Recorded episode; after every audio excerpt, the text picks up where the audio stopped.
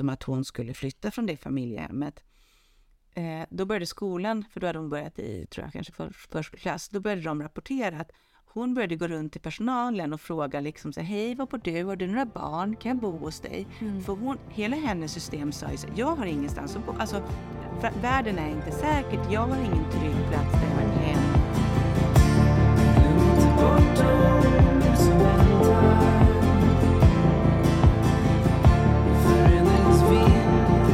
Hej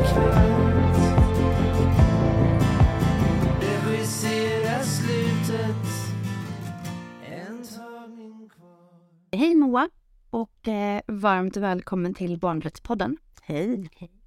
Eh, jag heter Nicolina. Jag är ett vuxet maskrosbarn. Eh, jag är aktiv på sociala medier, skriver om min historia och bloggar även. Och sen så har jag även med mig Jessica Ivarsson. Jag är också vuxet maskrosbarn, eh, men också ordförande i en förening som heter Bry för barnen. Eh, vi tänkte egentligen börja med att du skulle få bara liksom berätta vem du är, vad du jobbar med. Eh, ja, absolut. Jag heter Moa Mannheimer och jag är utbildad psykolog. Och eh, jag har ju, när jag räknade efter på vägen hit, och jag har jobbat i nästan 20 år, eller dryga 20 år, med barn i utsatta livssituationer. Framför allt barn som utsatts för olika typer av våld eller sexuella övergrepp.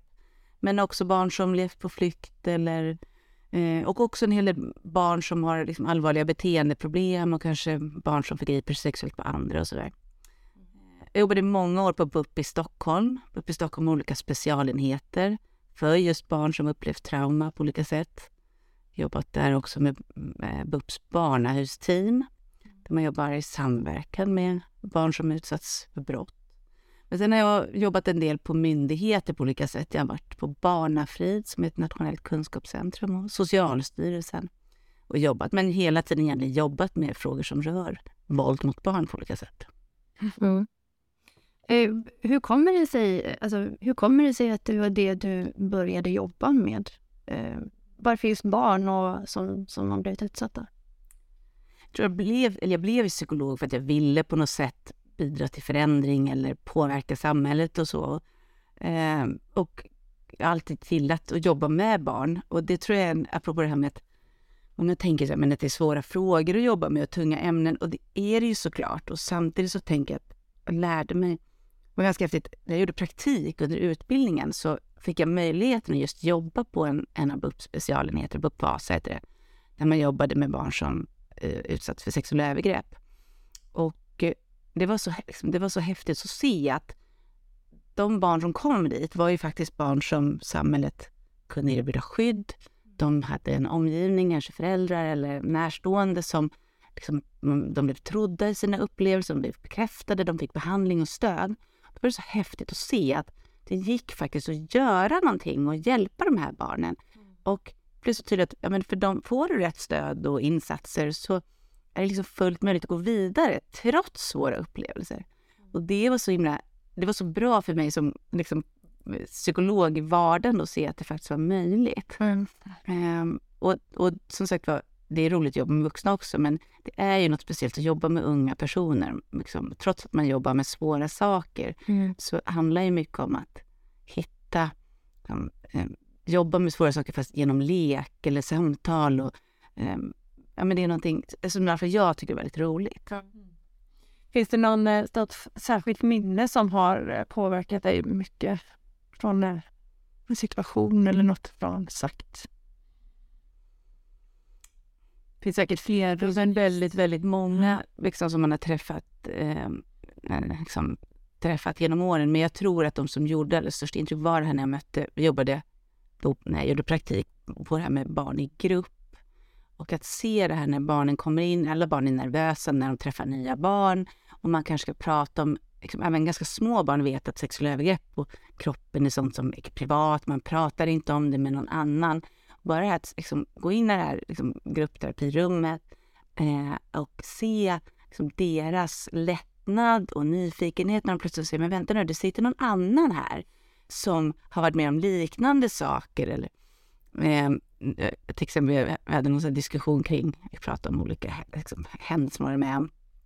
Eh, det var dels grupp för sexuellt utsatta barn men också barn som upplevt våld. Och det liksom började en diskussion i den här gruppen, de är i typ sexårsåldern, att eh, liksom, där de diskuterar så att ja, men, man, liksom, pappa hade fått fotboja och någon annan polis som kom och hämtade dem hade en handboja och så var det olika diskussioner kring de där sakerna och liksom möjligheten att se att det faktiskt går. Mm. Och också hur viktigt det är att alltså vi, vi människor vill ju dela det vi upplever. Mm. Både roliga saker, vardagliga saker och svåra saker. Mm. Men ofta när det kommer till såklart liksom våld och utsatthet så man inte får den möjligheten.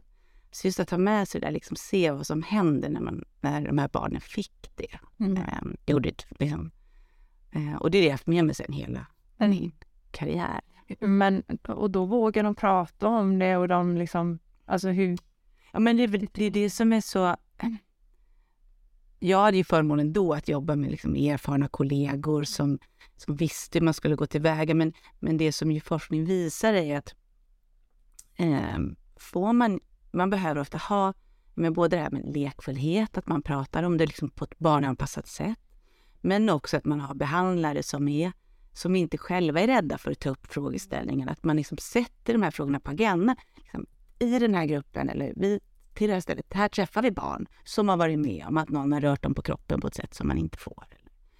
Här kommer jag jag träffar många barn som har varit med om att de vuxna bråkar på ett sådant sätt så barnen blir rädda.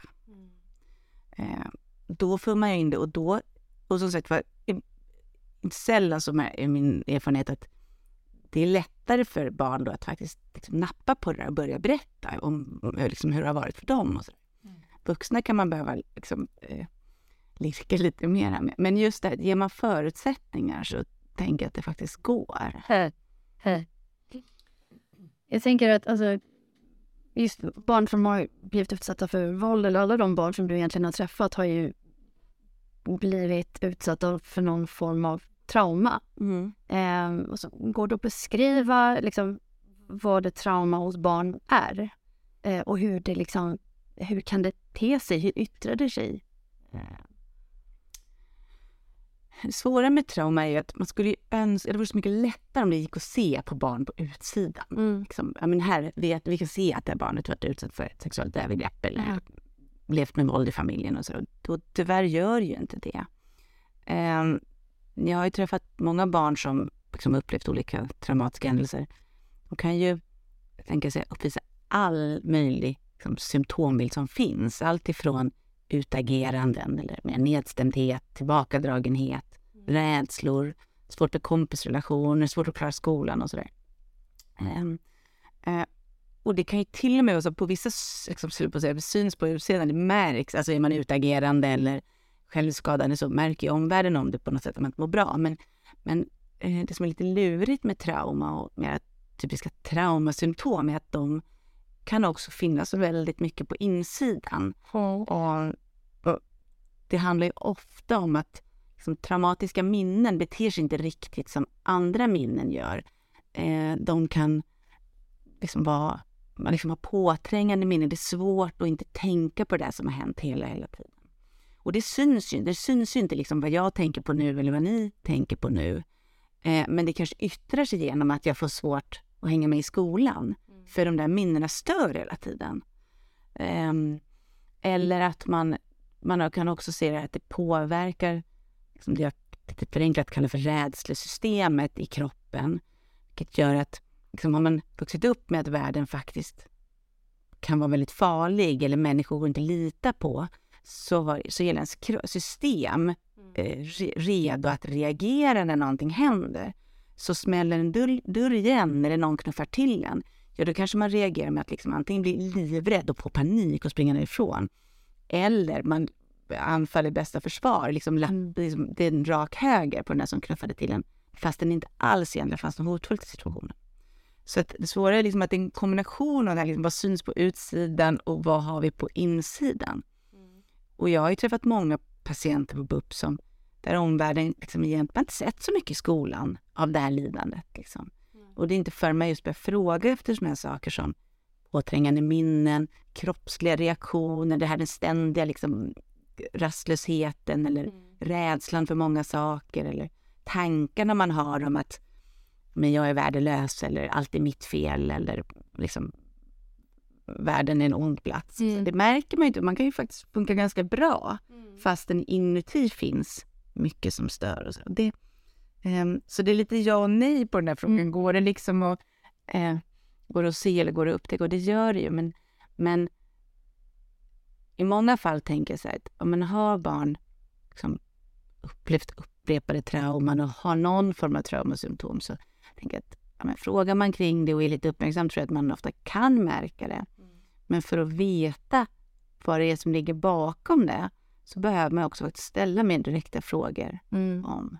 Liksom, det är vanligt att barn är utsatta för den här typen av saker. Har du varit med om något av det? Och jag tänker på, på lite mindre barn, då, om vi säger förskola, så har ju kanske lite svårare att liksom, prata om det så. Hur, hur kan man se det då, tänker jag? De är ju så viktiga, förskolepedagogerna, för att se de här barnen. Ja, men, ja, de är jätte, jätteviktiga och samtidigt så har de ju på ett sätt ett svårt jobb för att de, man kan ju ha barn precis där som, som är oroliga eller väldigt livliga eller bråkar mycket och det kan ju ha massa orsaker. Mm. Liksom. Att man är lite omogen eller man inte har så bra utvecklat språk eller att man lever med våld hemma till exempel. Mm. Så det är ju, eh, där tänker jag att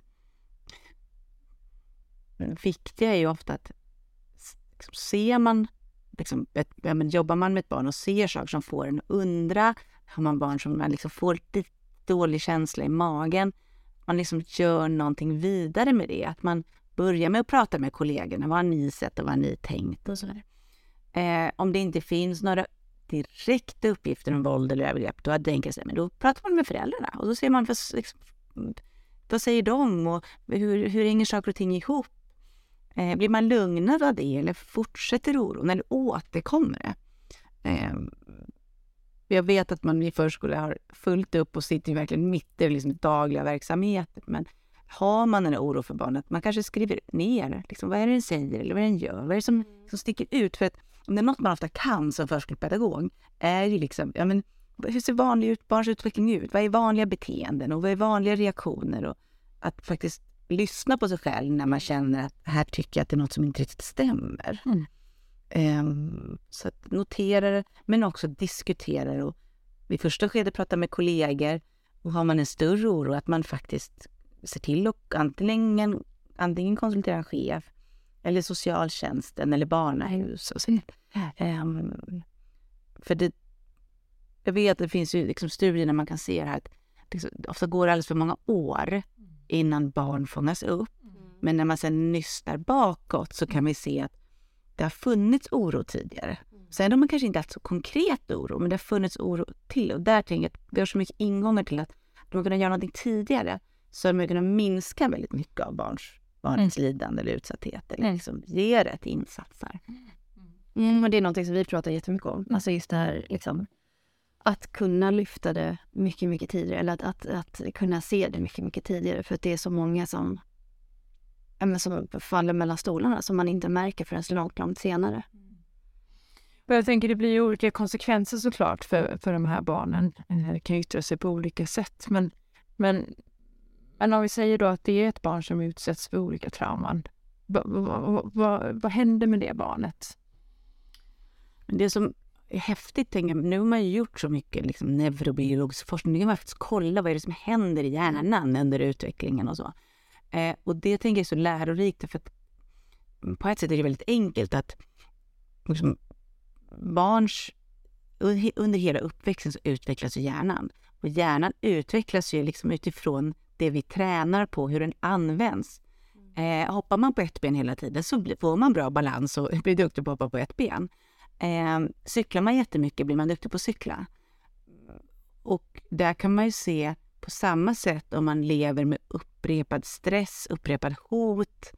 Då kommer ju hjärnan bli bra på att läsa av det.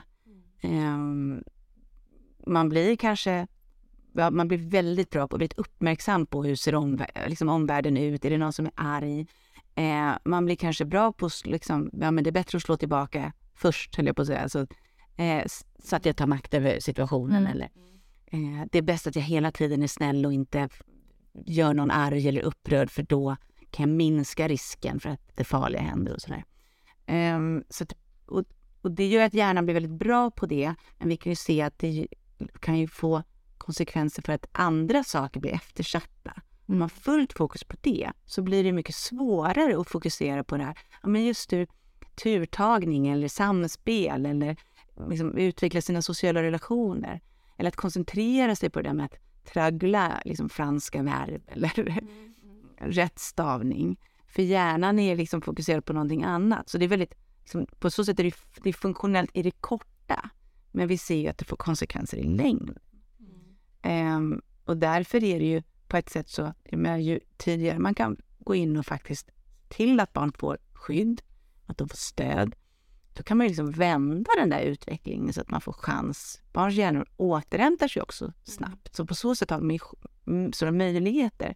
Men det är också därför som går åren väldigt långt så har man ju mycket längre väg att gå i behandling eller liksom och, och vända den här utvecklingen. Mm. Och man har gjort mycket studier på liksom vuxna människor som ju inte har fått stöd eller liksom inte hade fått skydd mm. eller inte fått berätta. Och där ser man ju att men utöver att det då kan ge traumatypiska symptom och så finns en klart ökad risk för men, annan psykisk ohälsa som depression eller ångest. Eh, ökad risk för att man liksom, skadligt bruk och missbruk. Eh, men också somatisk, alltså fysisk sjukdom, att man löper ökad risk för sånt som hjärt och kärlsjukdom eller cancer eller sådär. Mm. Och jag tycker att det hänger ihop med att vi vet ju att stress är inte, alltså vi, vi klarar kortvarig stress bra, men långvarig stress under stor del av ens uppväxt eller liv eh, är inte bra för kroppen. Så att får ju oftast, liksom, kan ju få många konsekvenser på ganska liksom, brett mm. spektrum av, av påverkan.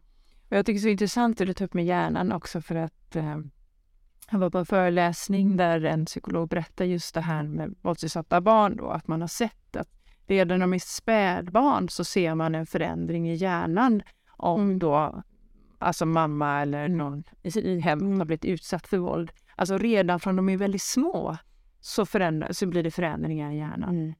Och det där är ju så häftigt, för jag tänker, det är inte så lång tid tillbaka, alltså vi kan backa mitten på 1900-talet, så var det så mycket vi inte förstod om små barn.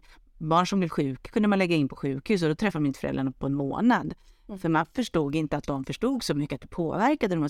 Men nu har vi all den här kunskapen och vi vet ju snabbt, kan man ju se på liksom alla som har haft ett litet spädbarn i sin närhet någon gång, hur de söker kontakt, hur de reagerar på liksom, förändringar i ljud, förändringar i ljus, om folk höjer rösten. Om, liksom, man kan ju, och det behöver inte vara liksom, men man börjar skratta högt och så blir lilla barnet rädd. Mm. Eh, och, hur, och också hur beroende de är samtidigt av att då liksom, jag menar, om jag råkar skrämma det här barnet för att det smäller en dörr eller jag skrattar för högt eller det händer någonting, att, jag också, att det är jag eller vi vuxna som hjälper den att lugna sig. Liksom, att men det är ingen fara. Och, så. och då säger vi liksom, men det lugnar hela det här systemet. Mm. Eh, så att små barns hjärna är ju väldigt plastisk som det heter.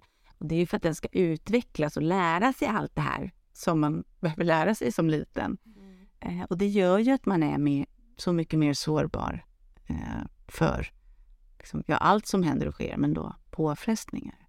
Som ju inte vuxna är på samma sätt. Jag tänker, du hade ju ett webbinar här via Bring för barnen och, och, och, om trauma. Och då spelade du upp en film och den tog ju tag i hjärtat direkt. Mm. Eh, även om det liksom är ju då att, att alltså det är en mamma då som först är gosig och lycklig och möter barnet. Liksom, eh, så. Jag vet inte hur gammalt barnet var, kanske ett år. Ett år. Mm. Ja. Ja, och sen så stänger hon av helt. Ja, och även fast man vet att det är ett experiment så blir man ju så otroligt berörd. Och jag tänker då på alla barn som lever med en förälder som inte kan tillgodose barnets behov. Alltså jag tänker både inom missbruk eller våld eller jag menar, alltså, vad, vad betyder det här för barnet? För att direkt det här lilla barnet som ändå bara, vad kan det varit, 30 sekunder eller någonting, mm. så blir hon ju helt förstörd liksom. Ja, men det är väldigt eller kända experiment, Stingface experiment som det heter, som man har gjort. Eh, och just därför påvisa och se, liksom, mäta skillnaden i barnets reaktioner när föräldern är liksom närvarande och, och liksom samspelar och mm. liksom kommunicerar och sådär. Och det är både hur, och det så är precis där hur barnet reagerar med liksom positivt och eh, möter upp det där och lär sig och försöker kommunicera trots att den inte har ett språk. Och också hur enormt känsliga de är för när någonting annat, när föräldern blir helt liksom, avstängd mm. och inte svarar på barnet. Um, och, och det här är som sagt, jag menar, liknande så kommer ju såklart, men barn växer upp med, med föräldrar som ibland måste hjälpa ett annat syskon eller titta på sin, ja, mm. ibland behöver man inte titta på mobilen men ibland gör man det. Eller laga mat på spisen. Det är klart att barn klarar att kortare stunder inte få respons. Men, men här handlar det återigen det här om liksom, men hur påverkar ens utveckling? Om vi måste ha mycket av det goda och då klarar vi lite grann av mm. stressen eller liksom motgångar och sådär. Men när det där dominerar mm. så kommer, det har man ju sett att ett barn som är van vid att få respons, den reagerar ju ganska kraftfullt när den inte får det. Mm. Men man har kunnat se på barn som liksom är väldigt försummade och inte alls har fått den här responsen. De slutar ju söka det. Och där kan man ju se barn som just, men till exempel sådana barn som har levt under väldigt påvra förutsättningar, se på barn, barnhemsbarn som man avslöjar ibland eh, i andra länder. Kanske alltså man är fastbunden i en säng eller man ligger i en säng liksom 20 timmar per dygn helt ensam och sådär. Då slutar de, jag menar de får jättedålig språkutveckling, tappar ju helt sociala färdigheter, förstår inte alls. Alltså, och det blir ju verkligen, det kan ju, om det är så kraftfullt, det kunde man ju se på just sådana barnhemsbarn, till exempel i Rumänien på 90-talet. Mm. Att de, eh, liksom, trots att de kanske inte hade varit från början, att man i princip utvecklar liksom en, en utvecklingsstörning och utvecklingsförsteningar eller neuropsykiatriska svårigheter mm. som, inte, som är så pass allvarliga att de inte ens går att hämta upp igen. Eh, nu är det en extrem liksom, eh, försummelse såklart. Men, men det, det jag tänker är så viktigt att säga, nu när vi har haft möjlighet att förstå de här sambanden med hur hjärnan utvecklas, hur barns utveckling sker, och, mm. mm så blir det ju, får vi ett ännu större ansvar att faktiskt se till att barn inte ska utsättas för det. Att man ska ha liksom, good enough uppväxtmiljö. Men tycker du den kunskapen finns idag, tänker jag, ute hos myndigheter eller? Lite både och. För på ett sätt tänker jag att alltså, träffar man jag tycker även allmänheten är ganska... Alltså vi vet att det är dåligt för barn att växa upp med våld till exempel. Och vi vet att det är dåligt med liksom, frånvarande föräldrar eller föräldrar som missbrukar eller som allvarlig psykisk ohälsa och inte närvarande till exempel. Det, det tror jag de flesta vet. Men däremot att omsätta det i praktiken i sitt arbete, att faktiskt liksom, för det, det kräver ju både liksom, tänker jag, eh, jag tänker att det kräver en del mod att faktiskt sätta sig in i, ja, men hur blir det för det här barnet? Mm. Eh, och jag tror att vi alldeles för, i för många fall, oavsett om det handlar om liksom socialtjänst, hälso och sjukvård, rättsväsende och så vidare, att vi har väldigt lätt ett vuxenperspektiv, för det är de som kan det är de som har ordet, det är de som kan beskriva saker, det är de som är part i målet och så vidare. Eh, och så tappar vi det där att faktiskt ta reda på det. Eh, för jag tror att det finns ganska mycket kunskap, men frågan är med sig däremot inte att det alltid liksom blir verkstad av den, eller att vi omsätter den i de beslut vi fattar till exempel, eller de insatser vi ger. Mm. Jag tycker det är lite intressant just det med anknytning som, som när man själv har fått barn och det är så viktigt att man ska ha barnen nära och man får inte lämna bort barnet mer än en natt när, innan det är ett år. Så min BVC-sköterska sa till mig om sådana här saker och man pratar mycket om det, ha nära, nära, nära. Och så möter vi mycket familjehemsplacerade barn eller liksom familjehem och där man då har haft kanske ett barn eh, sen de var små, alltså spädbarn, kanske bara några dagar gamla. Mm. Men där man ändå bara kan bryta den, den relationen och den anknytningen och bara flytta ett barn tillbaka då eh, till sina biologiska föräldrar där man inte har den starka anknytningen. Jag har så svårt att förstå liksom det här med att biologi väger starkare än en, en barns anknytning till andra vuxna som ändå har liksom tillgodosett behovet och de älskar dem och det är liksom så. Eh, just när man också vet om hur mm. viktigt det är med anknytning. Hur tänker du kring det Moa? Alltså... Men ja, jag tror verkligen man behöver stärka det och också se till att göra en analys gällande det enskilda barnet. Därför att vi vet ju att barn kan ha flera anknytningspersoner och det kan vara, eh, det, liksom det kan ju till och med vara en tillgång. Det är bra att ha flera föräldrar och liksom barn i förskoleåldern har ju eh, förskolepedagoger som anknytningspersoner eller liksom närstående mormödrar och farfäder och olika sådär. Eh, så att, och det är viktigt att komma ihåg, men samtidigt så behöver man också hela tiden, till exempel om vi ser barn som har varit placerade, som kanske har upplevt redan ja, men en separation, liksom man, man blir omhändertagen när man är väldigt liten. Och sen har man flyttat kanske en gång eller i värsta fall flera gånger om man har varit jourplacerad eller mm. liknande. Då tänker jag att det, då kommer ju en ny flytt påverka på ett annat sätt. Um, och jag tror att det, där går man ibland vilse i det här. Man tänker, men liksom, barn i allmänhet klarar ju en separation. Ja, det gör de. Alltså, om, om jag måste åka iväg och jobba så kan liksom, mina föräldrar ta hand om barnet eller liknande. Mm. Och det kan funka jättebra. Eh, men det handlar ju också om att det är ett barn som har haft förutsättningarna. Mm. med närvarande föräldrar har inte haft relationer som bara, liksom anknytningspersoner som bara försvunnit till mm. exempel. Mm. Eller som har eh, kanske också alltså medvetet eller omedvetet skadat barnet genom att de faktiskt har varit undermåliga som föräldrar. Och, så. Mm. och det är det jag tror man behöver sätta in och det är lätt att istället för att göra en ordentlig analys om liksom, vad har barnet varit med om? Vad finns det för risker? Vad finns det för sårbarheter hos det enskilda barnet? Mm. Eh, och vad ställer det för krav då på nya personer? Och hur kan man göra en sån där, liksom, om man ska göra en flytt och bedöma mm. det? Men det är trots allt för barnets bästa. Hur bygger man de förutsättningarna då? Liksom? Um, och det är lätt att det blir inte... Liksom, det ser man ju både i vårdnadstvister men även i andra mål. Det blir liksom standardskrivningar. Att mm. liksom så här, det här brukar vara, eller man säger, men x antal nätter eller vi utökar umgänge så här. Och så har man liksom gjort en plan. Och den kan ju vara bra i teorin, men du måste hela tiden liksom förankra ja men okej, vad gäller för just det här barnet? Och sen också hela tiden noga följa vad händer. Mm. Vi prövar ett umgänge. Liksom, hur, vad är reaktionerna mm. hos det här barnet? Och vad ser liksom, familjehemmet eller förskolepedagoger eller andra barn? Liksom, att man faktiskt verkligen gör en analys. Jag tänker, jag, alltså, kan det vara så att för jag ser ju på en separation, inte när det gäller mina egna barn, men när jag ser tillbaka på mina egna flyttar från familjehem till, till stödboende, tillbaka till, alltså så, så ser jag det som rena trauman. Mm. Kan det vara så att man inte ser på en separation som ett trauma? Så här, nej men det här är för barnets bästa. Eh, en separation är inte ett trauma på det sättet. Mm. Men det tror jag. Tar lika hårt på det. Och man tänker att ja, men ett barn kan ju klara det. Mm. Ja, men det förutsätter då, men om det är separation nummer ett och separation nummer två och sen så ser man inte eh, att, att jag jobbade till exempel med en, eh, hade en patient, en flicka, och, som hade, eh, mamman hade gått bort och så är det precis där att, ja men det var ju såklart väldigt plötsligt och dramatiskt. Och så bor man ju först några nätter hos någon person, först då har mamman försvunnit eftersom mm. hon är avliden.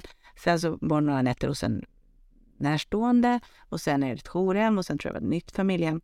Eh, och sen så när eh, det blev prat om att hon skulle flytta från det familjehemmet, eh, då började skolan, för då hade hon börjat i, tror jag, kanske för, förskoleklass, då började de rapportera att hon började gå runt till personalen och fråga liksom så hej, var bor du? Har du några barn? Kan jag bo hos dig? Mm. För hon, hela hennes system sa ju jag har ingenstans att bo. Alltså, världen är inte säker. Jag har ingen trygg plats där jag har ett mm. hem. Mm. Eh, så en separation för det barnet har ju en helt annan innebörd mm.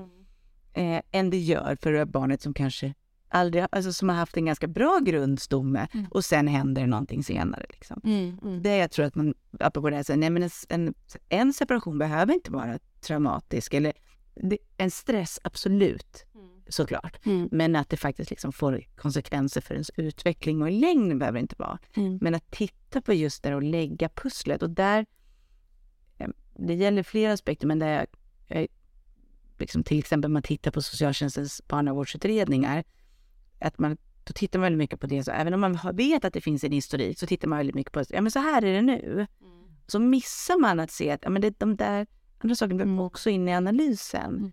för att faktiskt för att vi ska kunna ta ställning till vad är barnets liksom, bästa i den här situationen. Eh, och återigen att vi har en både, alltså vi har en, vi har en väldigt stark föräldrarätt i Sverige. Mm. Det väger väldigt tungt. Och jag tror också att man som professionell, man sitter och så möter man Ja, men jättebra, jag vet jag själv. Ja, men jag är professionell, men jag är också förälder, jag är också vuxen. Mm. Det är lätt att kliva i den vuxnes skor. Liksom och säga, men gud, tänk om jag skulle, inte skulle få ha mitt barn. Eh, och det är svårare att kliva i barnens skor, tror jag. För det kräver ju att man också har tid att sätta sig in i dens liksom, värld, syn på liv. Alltså den här lilla flickan som jag beskrev som, som började gå runt till liksom, lärarna och se om hon kunde flytta hem till dem. För hon fattade så att jag vet, det är inte säkert här. Mm. Ja. Och jag tycker Anders Broberg sa det så himla bra, för vi pratade lite just det här med placerade barn. och var ett litet barn som skulle flyttas. Eh, och så sa han så här att när man flyttar ett barn på det sättet som var placerad och hon var två år och skulle tillbaka till någon som man inte känner, liksom att eh, ett barn som förlorar en förälder, precis som du säger, att för barnet, eller att eh, mamma och pappa dör, då är det mer hanterbart, för man kan förstå, okej nu är mamma och pappa borta, Mm. Eh, men när man bara flyttas då från att ha varit placerad hos en familj som man tror är sin, Mm. så blir det helt liksom ofattbart. Men en ett barn vet liksom inte varför och kan skuldbelägga sig själv. För ofta så blir det ofta så att kontakten bara bryts. De här vuxna som har varit viktiga i barnets liv försvinner ju från, från barnet. För familjehemmet har ju, alltså barn har ju inte rätt till sitt familjehem idag så som det ser ut idag, tyvärr. Mm. Eh, fast enligt barnkonventionen så har man ju det, men så ser det inte ut. Eh, och och det, det är ju ett trauma. Helt plötsligt bara flyttas du från något som Mm. du tror är din Mm. familj och de bara försvinner från ditt liv. Ja, och så ska beroende på när man har, liksom hur länge man har bott med sina biologiska föräldrar, men där kanske man också faktiskt har upplevt stressorer. Alltså Mm. om man är placerad finns ju en anledning till det, Ja. som kanske är för att föräldrarna som har brustit, antingen för att de har utövat våld eller Mm. för att de har missbrukat eller psykisk ohälsa. Som just, även om det är ett lidande för de föräldrarna, så har det ju troligtvis medfört liksom, stress och påfrestningar för det här barnet. Mm. Så det ska man också komma ihåg att den ska ju tillbaka till en miljö som kanske eh, man har ju uppenbarligen bedömer den liksom good enough, men som kanske absolut inte är optimal. Och som är så Det är också, ja men precis, och det är samma sak det att flytta ett barn tillbaka till, apropå, vi har ju olika, som, vi alla människor är olika och vi blir ännu mer olika beroende på vilka liksom, erfarenheter vi har. Vad, vad gör oss mer sårbara eh, för separationer och vad händer det med när det blir upprepade separationer? Mm. Och som ur, som du säger, barnets perspektiv inte helst heller faktiskt går att förstå. Nej. Vill de inte ha mig längre? Nej. Varför måste jag flytta till någon annanstans? Nej, och det är någonting som jag kan, kan komma ihåg och uppleva att, att man aldrig fick... Eh, man är väldigt duktig på att prata över barnens huvud hela tiden. Att inte liksom förklara varför eller, eller att åtminstone bekräfta att du har inte gjort något fel utan det är på grund av det här. Eh, och det känns ju, blir ju en ännu större stress liksom för att, som vi sa innan, barn har ju ganska bra koll alltså på Mm. eh, saker överlag skulle jag säga. Och det tror jag finns en risk att, jag tror många som jobbar, det är jättesvårt att jobba med liksom myndighetsutövning eller Mm. fatta beslut kring barn i utsatta livssituationer. Och där tror jag att ibland kan det bli ett undvikande också. Man blir osäker på, är det här det bästa för barnet? Eh, men om vi, kommer, vi vuxna kommer överens om att det är det, så bara bestämmer vi så. Eh, för det blir ju väldigt, väldigt mycket svårare om man faktiskt ta, följer upp och säger, men vänta, hur tänker du? Och vad, vad liksom känner du kring det här? Och vad är du rädd för? Och vad skulle du vilja? Och, liksom så. och det tar ju också tid. Ett litet, eller litet eller stort barn, det är inte så att bara för att man träffar en utredande socialsekreterare eller en liksom, BUP-psykolog, att man liksom berättar allt vad man tänker och känner. Alltså, det gör inte jag som vuxen heller. Man börjar ju med liksom, jag tänker att där kom, skulle ju, och det tycker jag också är något som, och när jag tycker man skulle behöva stärka så är det att till att professionen som ska bedöm, göra de här bedömningarna, att man faktiskt verkligen har, men, gör det systematiskt, att man, jag tänker, ska man ta reda på barns situation så kräver det ju återkommande barnsamtal och inte heller så här, tre, fyra veckor emellan, eller, som vi får så mycket rapporter från att både barn och ungdomspsykiatrin och socialtjänsten säger vi hinner inte, vi står till. Och ska man träffa någon, liksom, hur, hur bygger man en allians med den personen? Och, och, och återigen, har man de barn som allra mest behöver det, som kanske är i samhällsvård, är ju de som också har fått lära sig att det är inte säkert att vuxna går att lita på, eller det är inte säkert att jag får den hjälp och skydd jag behöver. Så det behöver man ju verkligen möjligheter och liksom säkerställa att mm. man just tar reda på det. Mm. Och det som är så tragiskt också med de som är liksom i samhällsvård, att många byter barnsekreterare mm. extremt ofta. Mm. Så man hinner ju alltså man hinner inte lära känna ett barn. Alltså jag vet ju barn som är två, tre år som har bytt eh, åtta mm. handläggare mm. liksom på den korta, korta tiden. Nej, och jag tänker att barnet inte hinner lära känna en vuxen heller. Nej, så, och just det här att kunna våga säga eller våga mm. förstå hur barnet beter sig eller liksom reaktioner och så vidare. Men jag tänker också det, det här med uttryck. Barn uttrycker sig inte som en vuxen. Och också hur viktigt det är att man har kunskap, alltså som inom socialtjänsten då, eller vården eller var man nu fångar upp barn någonstans, att man förstår att det sättet att prata på kommer inte vara på ett vuxen Nej. sätt. Mm. Och det, det upplever väl jag, eller har hört i alla fall mycket, och man läser om det också, att, att barnen, att man, man, man, man misstror barnen mer eller ifrågasätter, var det verkligen så här det gick till? Liksom? Att man inte lyssnar. Hur, hur tänker du där Moa? Tycker du den kunskapen... Nej, men jag, som jag har ju själv fått lära mig, det, det, det tar ju liksom tar jättelång tid att, att vara en bra barnsamtalare, oavsett om man då är psykolog eller socialsekreterare eller polis eller sådär. Um, och jag tycker att det har skett en utveckling, absolut, att man kan mer om det. Men, men jag skulle se mycket, jag tänker dels att faktiskt, till exempel när det gäller barn som är utsatta för brott, att man har jobbat mycket med att faktiskt se men hur, hur håller man barnförhör på bästa sätt från mm. polisens sida. Där är det verkligen mm. skett en förändring. Så. Mm det finns fortfarande mer att göra, men det har ändå skett en utveckling. Och det, jag skulle vilja se den inom socialtjänsten. Mm. Eh, sen skulle jag också vilja se mycket mer att, att man hade, man har liksom, ja, men barn som är liksom, aktuella för familjens placering eller återkommande orosanmälningar och en socialtjänstutredning, att man hade mycket mer liksom, multidisciplinära team, att man kanske jobbade både med liksom, barnpsykologer som kan titta på barnet utifrån vissa aspekter, Eh, att, då att socionomer, att man vet att de som ska göra de här barnsamtalen, att de har påbyggnadsutbildningar eller liksom kan det mm. eh, och tränade det. Eh, skulle vilja att man forskade mycket mer på vilken typ av barnsamtal är det som blir bäst i det här mm. sammanhangen. Eh, för nu är många socialsekreterare utlämnade till att men, göra bäst de kan på något sätt. Mm. Eh, under de har ju jättemånga vittnat om att liksom, tidspressen, stressen, eh, bristande förutsättningar, hög personalomsättning. Och att då på något sätt upp, uppfinna eller utarbeta liksom, jättebra barnsamtal, inte så himla lätt. Så jag skulle vilja se både liksom att på organisatoriska förutsättningar att göra det, men också att man på något sätt, precis som att man gör inom polisen, säger att men för att håller barnförhör så ska det vara utbildad barnförhörsledare och sådär. Man skulle titta på det, liksom, hur kan man stärka den och, och liksom specialisera den delen av professionen på ett annat sätt. Mm. Eh, och hur kan man jobba ihop med olika också? Mm. Alltså, eh, att ha expertis från olika sätt. Mm. Eh, För som socialarbetare så har du just man jobbar mot barn Um, och så precis som du säger det med personalomsättning, det är många liksom, nyexade som sitter med tuffa barnutredningar. Och då ska du både ha det juridiska och du ska också förstå barnperspektiv, alltså barnpsykologi och du ska också ha liksom, utmanande vuxna då som också har sina utmaningar med sig. Mm. Det är ju inget uh, lätt jobb. Mm. Så, så att jag menar det...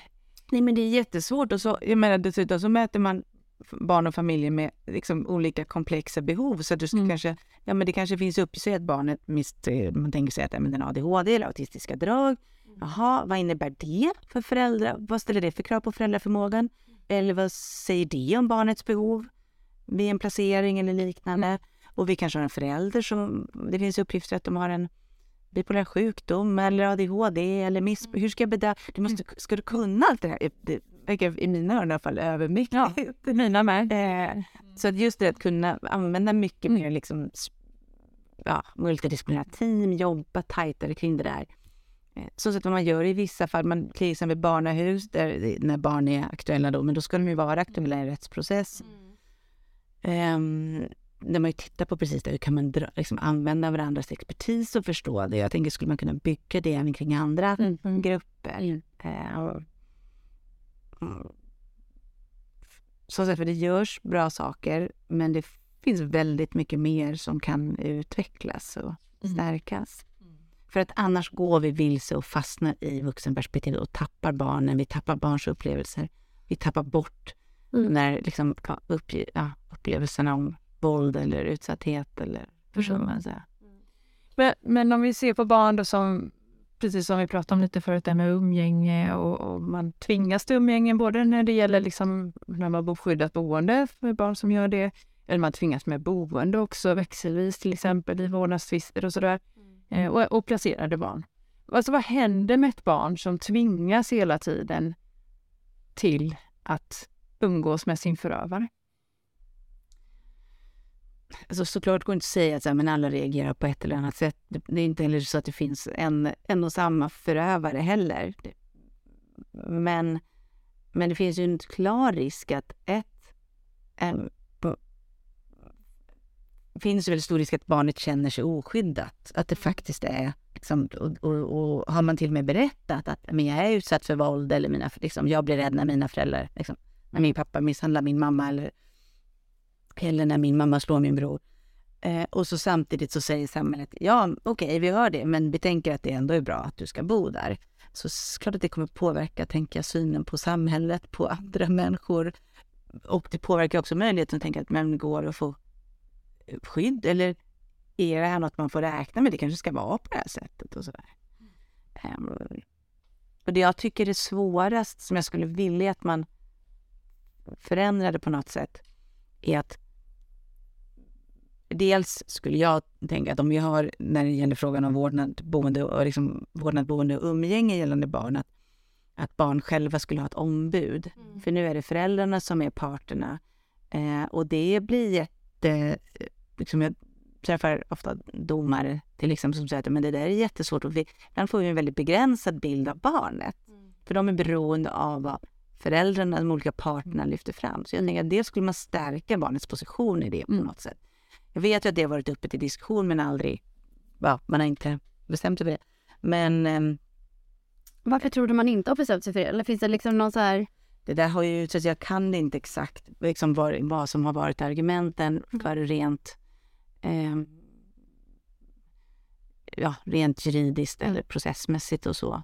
Ehm, jag tänker att det kan kanske, kan- jag skulle hoppas att det dyker upp igen. En annan, ett annat alternativ har också varit att man tänker, men kan man lägga den, den typen av mål i mera familjedomstolar eller liknande där man också är specialiserad. Vi har ju, man, är, man är ju vanliga tingsrätten. Eh, och eh, även om de som jobbar där kan vara jätteduktiga på olika saker, men det är samma sak där, de ska kunna alla typer Mm. av, av tvistemål och, och brottmål och sådär. Mm.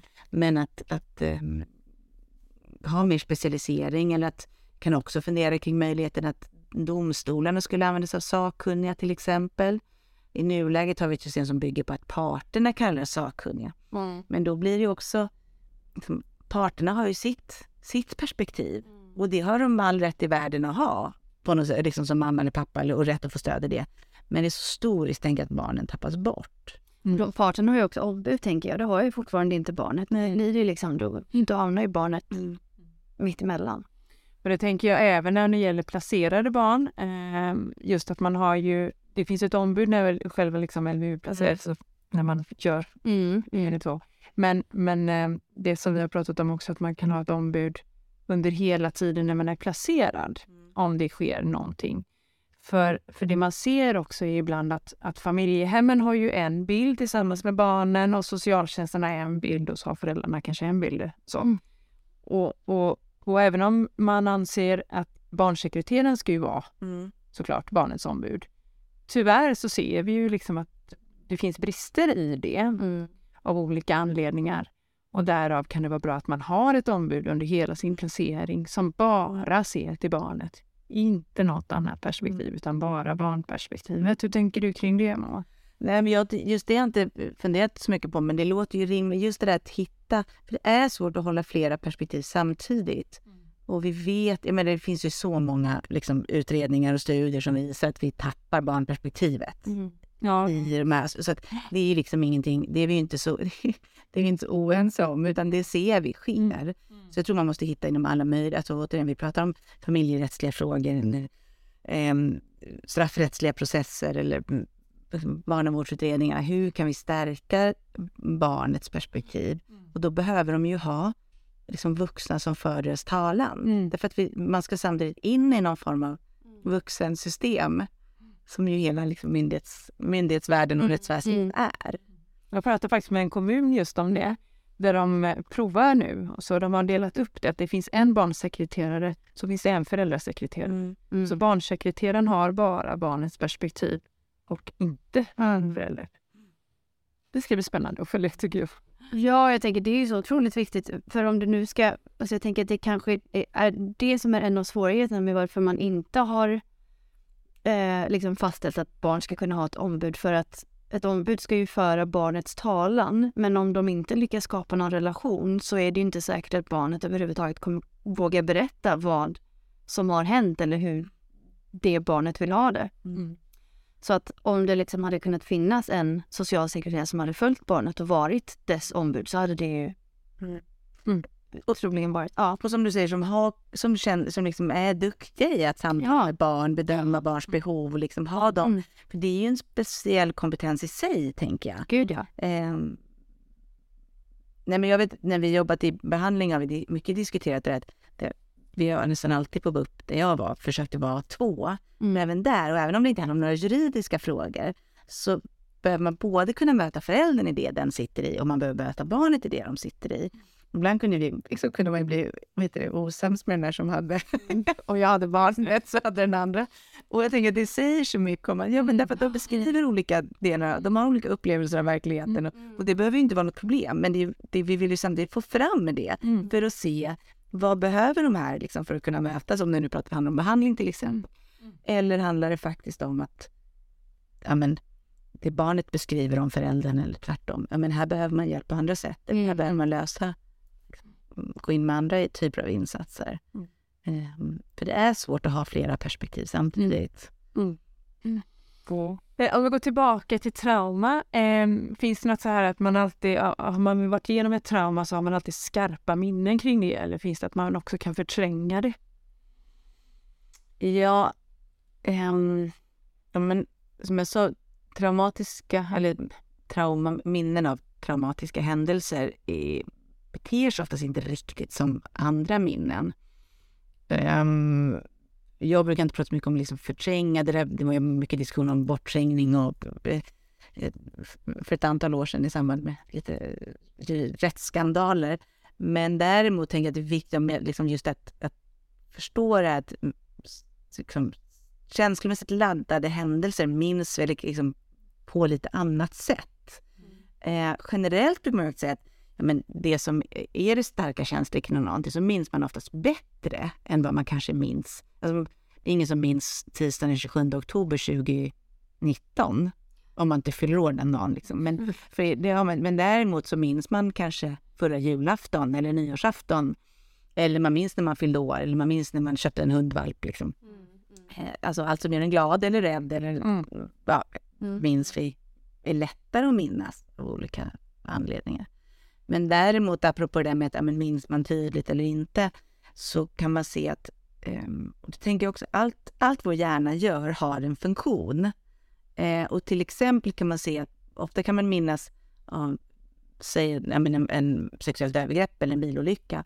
Man minns vissa detaljer väldigt tydligt och det kanske har att göra med att eh, det är en patient som just han var utsatt för upprepade övergrepp av en styvförälder och han hade liksom en väldigt tydlig bild av fönstret som han tittade på när han låg på den sängen.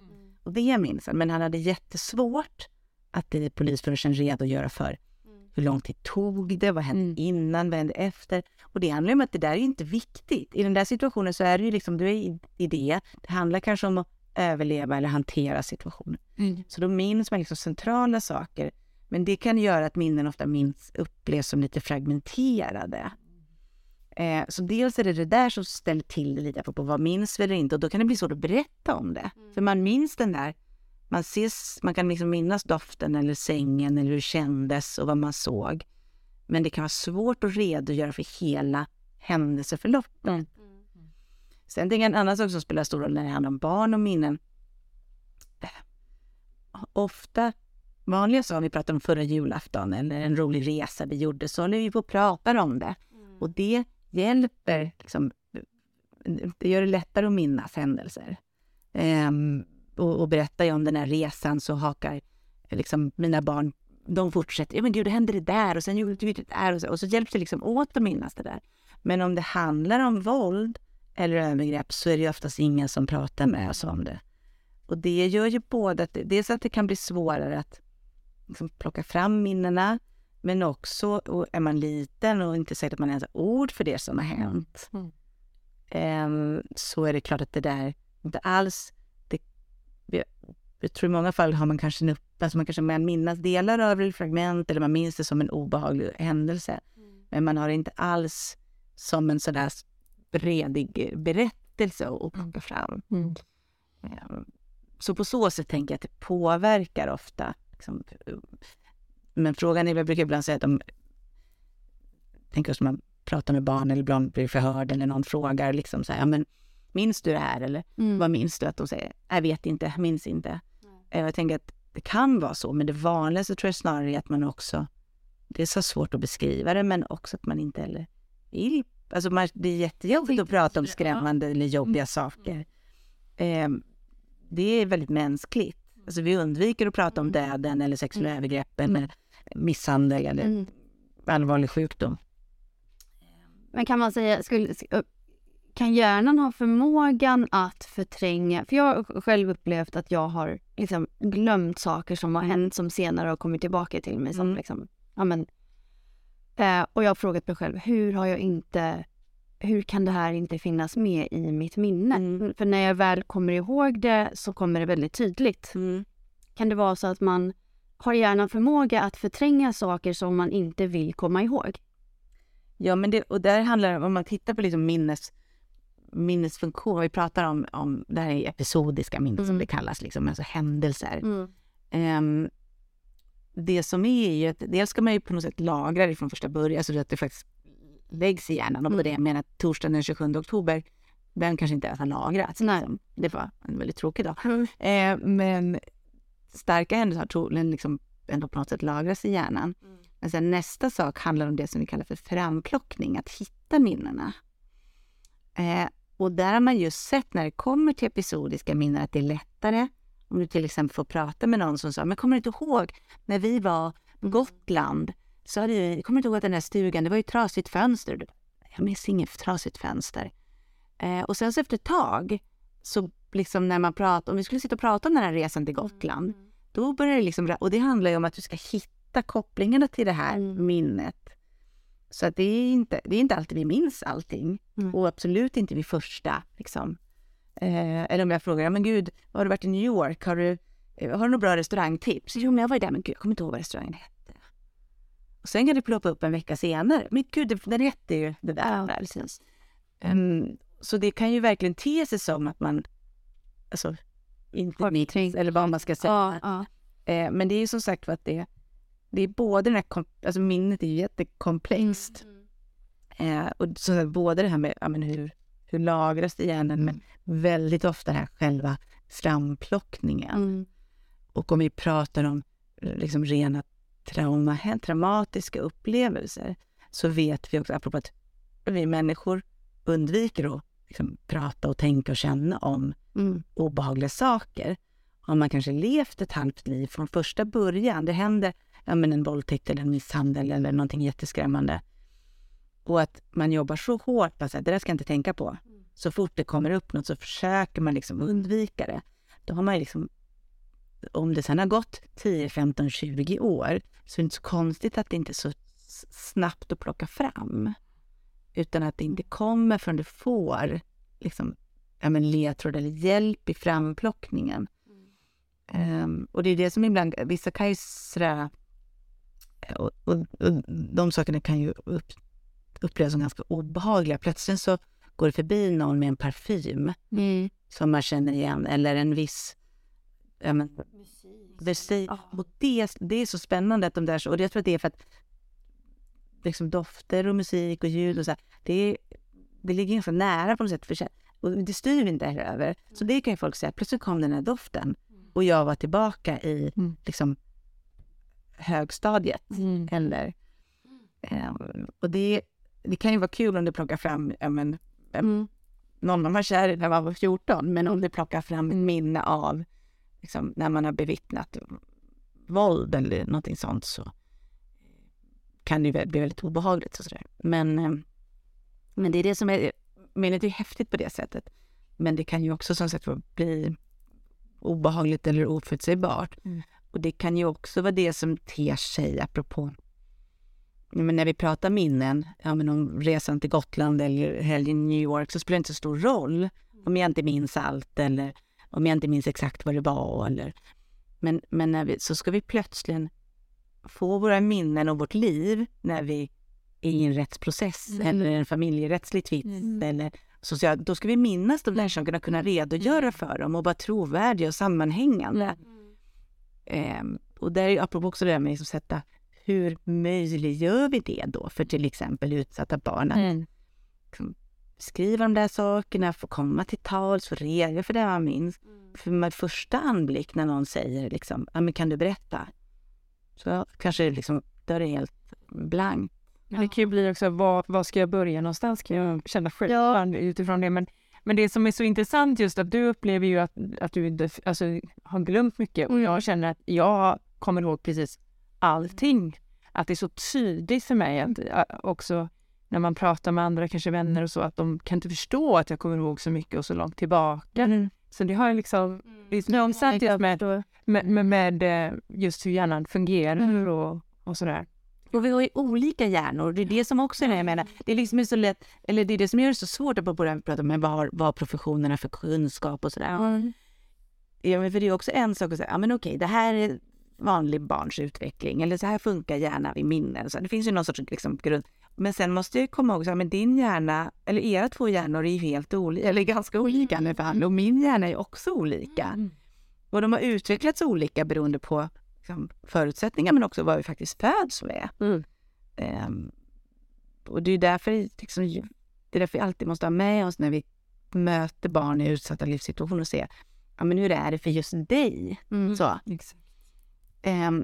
Du hade kanske hamnat i att, ja, men ska du komma ihåg saker för att säga men det är så mycket jag inte minns. Mm. Jag tror det behövt ganska lång tid på det.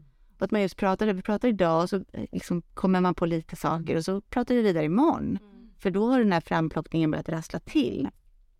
Men kan du uppleva att, att, eh, att man ganska ofta sätter just utsatta barn i ett fack? Att man ser på dem på samma sätt och inte tittar på den, på den enskilda individen och säger att "Ja, men, så här fungerar det här barnet. Utan att man istället säger så här fungerar våldsutsatta barn eller försummade barn. Men så tror jag, och så funkar vi. Vi vill, vi liksom vill, vill ju ha mallar och på något sätt. Mm. Ehm, Men tror du att det kan försvåra arbetet i att hitta de utsatta barnen och liksom... Eh, men det tror jag absolut. Och jag, det, det där är ju verkligen en... Jag menar, det är jag helt övertygad om att jag har gjort det själv som psykolog. Förutsätter så här, att ja, men så här brukar det vara. Och då tänker jag att det ska vara på det sättet. Och så är det inte så. Och då missar jag saker i min bedömning. Eller, Eh, till exempel en ganska vanlig det här som vi sa att det är ändå, och trots att jag egentligen vet det, men att, att man tänker att någon som ska ha varit, ja men har man upplevt massa våld till exempel. Så att man ska vara ledsen när man pratar om det eller bli liksom berörd av det, att det ska vara jobbigt att prata om. Och så möter man det här barnet som inte alls beter sig så, som rycker på axlarna och säger att Jaha, men liksom, ja, tänker du på det? Nej, tänk inte på det. Hur känns det? Normalt. Och så liksom missar man där och tänker, "Ja, men kanske inte är så påverkad av det. Mm. Ehm, och att då komma ihåg att, ja men vänta nu, vi behöver kanske krafsa lite mer det. Just nu kanske den inte orkar prata om det här. Men just nu passar inte det här. eller jag har inte ställt rätt frågor. Mm. eh, och faktiskt tänka, ja men okej, finns det andra? Och inte bara nöja mig med det, utan kanske göra noggrann research. Mm. Hur, ja, men vad säger skolan? Eller vad säger förälder ett? Fin- Vad säger farfar som brukar träffa det här barnet? Liksom? Så att se, stämmer det där? Eller finns det andra saker? Hur kan vi hitta andra Mm. vägar in? För det är också en, en, något vi har funderat på just det med försvarsmekanismer. Vad finns det för försvarsmekanismer som man kan se på barn just i utsatthet? Precis det du säger där nu då, att man... Rycka på axlarna och liksom gå vidare. Men jag tänker att det finns, det är återigen, men det, du måste komma ihåg, ibland kan man tänka att så här, m- människor inte är liksom logiska, men egentligen så tänker jag att vi, allt vi gör är funktionellt. Det finns en anledning till att vi gör det. Mm. Sen är ofta proble- problemet att det vi gör som är funktionellt i stunden är inte på lång sikt. Eh, men jag tänker att det är väldigt vanligt med ehm, just det här att låtsas som inget, alltså bete sig som att det inte är någonting, att hålla en väldigt liksom kontrollerad fasad, att inte visa känslor. Många kan liksom, man vill inte känna de obehagliga känslorna, man vill inte heller belasta andra med dem. Mm. Så att man ter sig som att man är ganska glad och nöjd och snäll och sådär. Och sen finns det de andra som tar det andra, liksom att anfall är bästa försvar. Jag ska aldrig hamna i en utsatt underläge. Så jag ser till att liksom, är det någon som kanske är elak, då slår jag till ändå hårdare. Eller hamnar jag i ett bråk så ser jag till att liksom vinna fighten och sådär. Eh, för att, så att jag tänker, vad oftast finns det som sagt en logik i det. Eller och har varit funktionellt. Och det är så viktigt, tänker jag också, för både barn och föräldrar att förstå att det är inte så konstigt att man gör så här utifrån det du har varit med om. Mm. Eh, men nu behöver vi hitta nya sätt eller andra strategier som kanske kommer liksom vara mer användbara framåt. Mm. Och jag tänker att det är också saker som är viktiga även i, i det vuxna livet. Alltså just det här med, alltså jag tänker e- egna erfarenheter igen, men där man har varit i relationer där man är den som lämnar först för att man liksom inte pallar med den som blir lämnad. Eh, och det är någonting som jag önskar att jag liksom hade, nu är jag i en jättebra relation men det finns ju många gånger som jag har velat lägga ben, benen på ryggen och bara springa för att jag är så otroligt rädd för att de ska lämna mig. Eh, och jag kan bli så ledsen över att det inte är någonting som jag har fått hjälp med tidigare. Jag tror att det är väldigt vanligt liksom. Och att det är just därför det är så viktigt att, att man får hjälp ja, men, genom hela livet Mm. egentligen. Så att man blir en funktionerande vuxen. Och där har vi inte en vård, eller precis, man, jag, jag har ju haft personer i behandling och sen Mm. mår de liksom bra men man är åtta år och sen så, även om vi ofta försöker skicka med oss, Mm, typ, mm.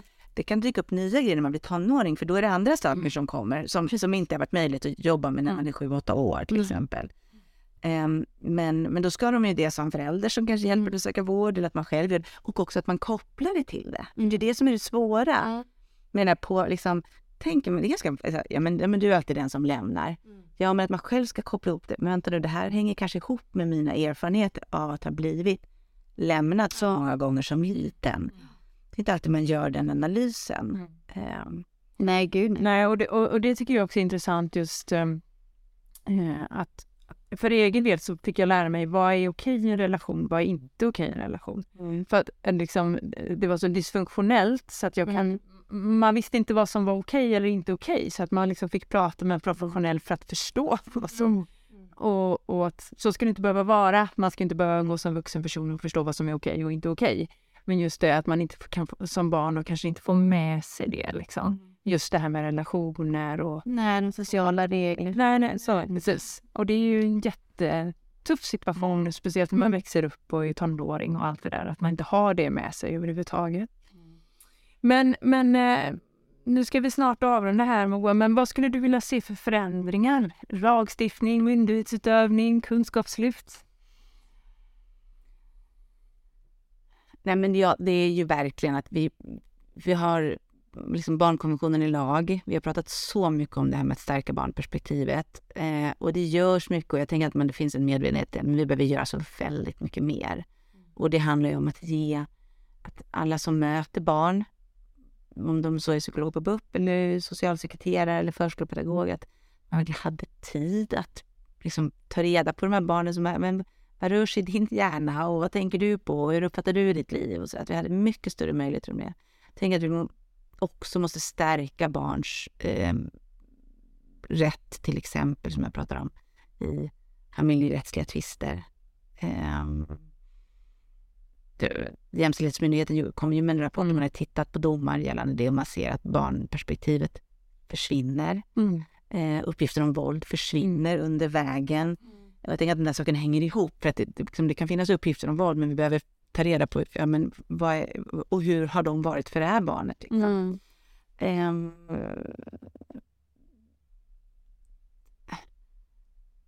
nej, men så att det är väl som sagt att, att, att man fortsätter göra det och eh, att vi fick ännu större liksom, möjlighet på något sätt att, att Ja, det, jag skulle önska att folk, att vi faktiskt, alla professioner, eller alla professionella som jobbar med barn, att man faktiskt liksom vågade och var ännu modigare. Jag tror att det är så många gånger som man möter barn ut att vi gör det. Och så har man kanske en dålig magkänsla, och, liksom, men, men så är man rädd för att eh, liksom, lyfta något som inte finns eller man är rädd för att stöta sig med någon och man är rädd för att dra igång något som man inte vet var det ska landa eller man är rädd att inte kunna lösa det här barnets alla problem och så väntar man lite för länge. Att vi ska våga mer, vara ännu mer aktiva och snabbfotade. Um, och tänka att vi som professionella har väldigt mycket mindre att förlora än vad de här barnen har. Mm. Ja, tusen tack Moa för att du ville gästa oss här i Barnrättspodden idag. Det var ett jätteintressant och spännande samtal. Tack för att jag fick komma hit. Tack så jättemycket. Tack. Brinner för barn, brinner för dem, brinner för det som inte